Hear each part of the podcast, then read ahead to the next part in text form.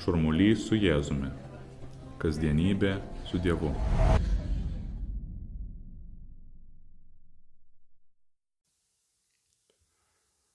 Šis sekmadienis yra viešpatės kančios sekmadienis. Per šventasias mišes bus skaitomi ypatingi skaitiniai. Šiemet klausysimės Jėzaus Kristaus kančios ir mirties atpasakojimo pagal evangelistą Matą. Tai yra labai ilgas skaitinys. Bestovint ir besiklausant, turbūt anksčiau ar vėliau truputį suskaus kojas. Apskritai nėra lengva klausytis Kristaus kančios. Girdėsime apie didžiulę neteisybę, kaip Jėzus yra išduodamas. Jį išdavė vienas iš tų, kurie buvo patys artimiausi. Girdime apie skaudžią Jėzaus kančią.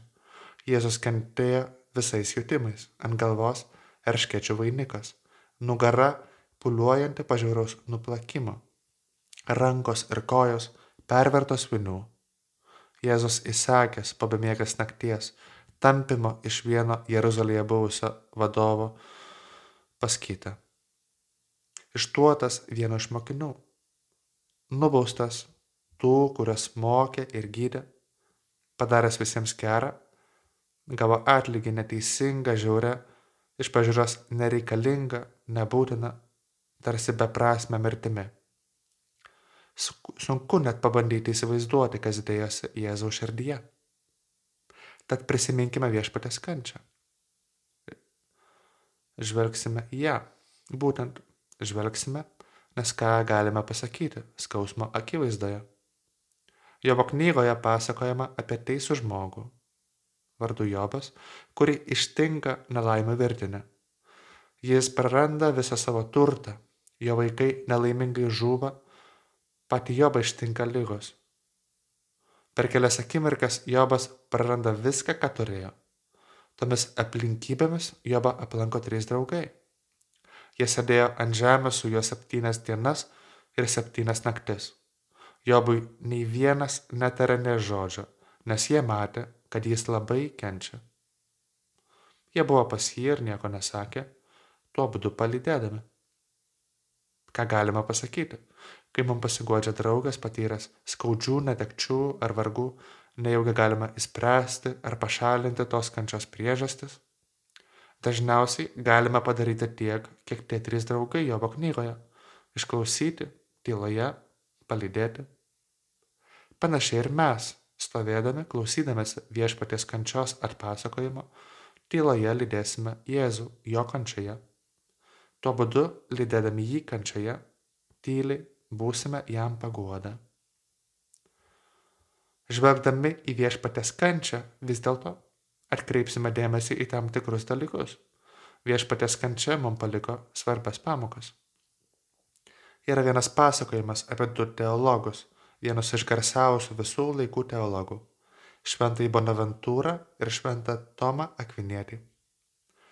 Bonaventūra jau buvo labai žinomas dėstė teologiją Paryžiuje, jo darbai sužavėjo daugelį žmonių. Šventasis Tomas vieną dieną nuėjo pas jį ir paprašė parodyti, kuriuose knygose semasi įkvėpimo. Tada Bonaventūra nusivedęs jį į savo mažą kambarėlį, ant stalo parodė jam keletą labai paprastų, visiems žinomų ir prieinamų knygų. Tačiau Tomas leido jam suprasti, kad nori pamatyti kitas knygas, iš kurių Bonaventūra sužinojo tiek daug nuostabių, naujų, negirdėtų dalykų. Tada šventasis parodė jam vieną kambario kampelį, kuriame nieko nebuvo išskyrus vieną kryžių. Tėve, tarė jis, čia yra visos kitos mano knygos. Štai pagrindinė, iš kurios ėmiausi visko, ko mokau. Klupodamas prie šio kryžiaus ir prašydamas tą, kurio atvaizdas čia pavaizduotas, tai yra prašydamas Jėzų, įsklaidyti mano abejonės bei dalyvaudamas šventosios mišiose, padariau didesnę pažangą moksle ir laimėjau daugiau dvasinėje kovoje, nei skaitydamas bet kokias knygas. Na, iš ties, šventieji daug ko išmoko iš nukryžiuotojo. Tad kogi šventieji išmoko žvelgdami į Kristaus kryžių ir kančią? Paminėkime porą dalykų. Jie pažino Dievą ir pažino save pačius.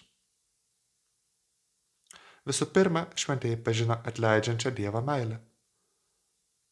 Kaip rašė vienas šventasis apmastydamas viešpatės kančią, žmonės viešpačiui buvo labai nedėkingi. Tam, kuris yra geriausias, atsilyginame pačiu blogiausiu.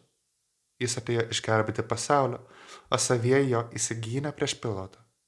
Jis mums nurodė gėrio kelią, o jie tempia jį kalvarijos link.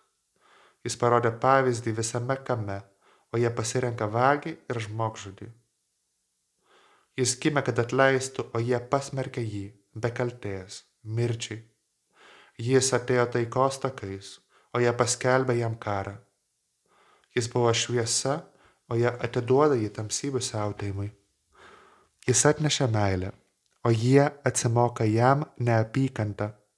Jis atėjo karaliauti, o jie vainikuoja jį erškiečiais. Jis tapo vergu, kad mus išvaduotų iš nuodėmės, o jie prikala jį prie kryžiaus. Jis priėmė kūną, kad duotų mums gyvybę, o mes atsilyginame ją mirtimi. Apmastymas iš vieno kryžiaus kelio. Tokioje padėtyje mes greičiausiai būtume kupini nusivylimą, pykčio dėl tokios didelės neteisybės. Ir nebe pagrindo niekas nenori kentėti. Vis dėlto, kančioje visi Jėzaus gestai yra iš gailestingumo ir atjautos kupinos meilės. Skaitydami Evangeliją pagal matą suprasime, matysime, kad Jėzus tyli. Jis girdi kaltinimus, jo galva yra sužeidžiama erškiečiais, Jėzus yra spjaudamas, nuplakamas, iš jo tyčiojamasi. Jį priverčia panešėti kryžių, atima jo drabužius ir dalinasi mesdami burtus jo akivaizdoje. Jam kenčiant. O Jėzus vis tyli. Jėzaus tyla primena Izajo pranašystę apie kenčiantį tarną. Nors ir buvo žiauriai kankinamas, bet pakluso burnos nepraverė. Kaip tyli eriukas vedamas pjauti, kaip tyli avis kerpama, taip jis nepratarė žodžio. Jėzus tyli ir ta jo tyla yra kupina maldos. Paskutiniai Jėzaus žodžiai, jo gyvenimo žodžiai yra malda. Jėzaus šauksmas Dievui, mano Dieve, mano Dieve, kodėl mane apleidai. Visą tą laiką, kol tylėjo, Jėzus meldėsi. Evangelistas Lukas aprašo Jėzaus maldą tomis sunkiomis jo tylos akimirkomis. Tėve, atleisk jiems, nes jie nežino, ką daro. Tai Jėzus ištarė kalamas prie kryžiaus. Tai rodo jo jausmus tomis akimirkomis. Jėzus tyli, melstamas atleidimo savo skriaudėjams. Žvelgti į kryžių teikia pasitikėjimą Dievo gailestingumu. Mūsų dienomis vienas vyras, kuris po daugelio metų prie išpažinties, liūdėjo, kas jį paskatino tai padaryti. Pasirodo, jis užsuko į vieną bažnyčią tiesiog iš smalsumo norėdamas apsižvalgyti, kaip dažnai žmonės užsuka, pavyzdžiui, iš Šventojo kryžiaus bažnyčią Vilniuje. Tas vyras tiesiog niekur neskubėdamas ėjo pro šalį. Įėjęs į vidų ir apžiūrinėdamas įvairius bažnyčios kampus, jis sustojo ties paveikslu esančiu netoli klausyklos, ties sopulingosios mergelės paveikslu, kurie apsigaubus juodu apsiaustų ir, nus, ir kiek nusiminusi veidu, meldėsi sudėjusi rankas. Tas vyras, matydamas, kad mergelė taip liūdė, yra tokia nuleidusi akis, suprato, jog mergelė verkia dėl jo nuodėmių. Jis pasijuto labai nuodėmingas. Jam buvo skaudu skaudinti mergelę. Jis neapsikentė ir nuėjo iš pažinties, kur jo laukia Kristus. Lygiai taip pat viešpats laukia iš pažintyje kiekvieno iš mūsų, norėdamas atleisti. Pagaliau kryžius moko apie mus pačius. Šventieji, kad ir kaip neįprastai skambėtų, suprato, džiaugsmo šaknis yra kryžiaus formos. Negalime rasti tikro džiaugsmo, jeigu nepriimame kryžiaus. Žinoma, niekam nepatinka matyti, kaip žmonės kenčia. Turime pareigą daryti, ką galime, kad palengvintume kitų nelaimės. Vis dėlto tas, kuris deda visas pastangas vien tik išvengti kančios, patirs karčią nesėkmę, jaus tik dar didesnį kartėlį. Kartą vyko viena diskusija apie eutanaziją. Buvo įsakomi įvairūs argumentai ir staiga viena iš dalyvių pasakė. Aš tiesiog negaliu matyti, kaip žmonės kenčia. Labai įdomu įsiklausyti, kaip tą pasakė ši dalyvė. Aš negaliu matyti, Tarsi problema yra ne kito žmogaus kančia, o jausmai, kurios man sukelia žvilgsnis į kančią. Į tai, kad man sunku ištverti kito kančios akivaizdoje. Padeda suprasti, kad kol gyvename žemėje ir nepasiekime būsimojo laiko pilnatvės, nėra visavertės meilės, be pasiaukojimo, be kančios. Priimti padėtį tokią, kokia yra, tiek, na, padėti kiek įmanoma padėti kitiems, pataisyti kiek tik įmanoma pataisyti tą padėtį, bet priimti. Tai teikia daug ramybės. Tai yra galbūt net kiek psichologiškas dalykas, psichologinis dalykas. Jūsų aparato, na, visi mūsų protėviai, visi vyresni žmonės, dar iki to laiko, kai psichologija tapo tokia madinga. Kartą, būnant ligoninėje, teko gulėti palatoje su kitu, vėlgi su kitu ligoniu, gana sunkiu ligoniu. Viena slaugytoja, kur mums daug padėjo tomis dienomis, paprasta ir išmintinga moteris pasakė, jeigu atėjo lyga, tai tenka gyventi su lyga. Tai yra gilios išminties kupinis žodžiai. Galbūt daugelis paprastų žmonių tai suprato, būtent žvelgdami į Kristaus kančią, girdėdami ir skaitydami Evangelijas ir žvelgdami į nukryžiuotą į savo namuose. Priimti savo sunkumus. Tuo pačiu suprasti, kad niekada nesame vieni. Jėzus pats norėjo nueiti kančios kelią, tuo būdu jis ir mus lydi mūsų sunkumuose tokių progų palydėti, priimti sunkumus netrūksta ir mums. Kalbame apie visiškai paprastus dalykus. Ištverti darbe, net ir praėjus pirmajam entuzijazmui, pakelti nuovargį, priimti pažįstamus smulkius artimųjų trūkumus. Tai gali pareikalauti pastangų. Bet dovanos daug ramybės man pačiam, mano šeimai, mano draugams. Šventieji patarė.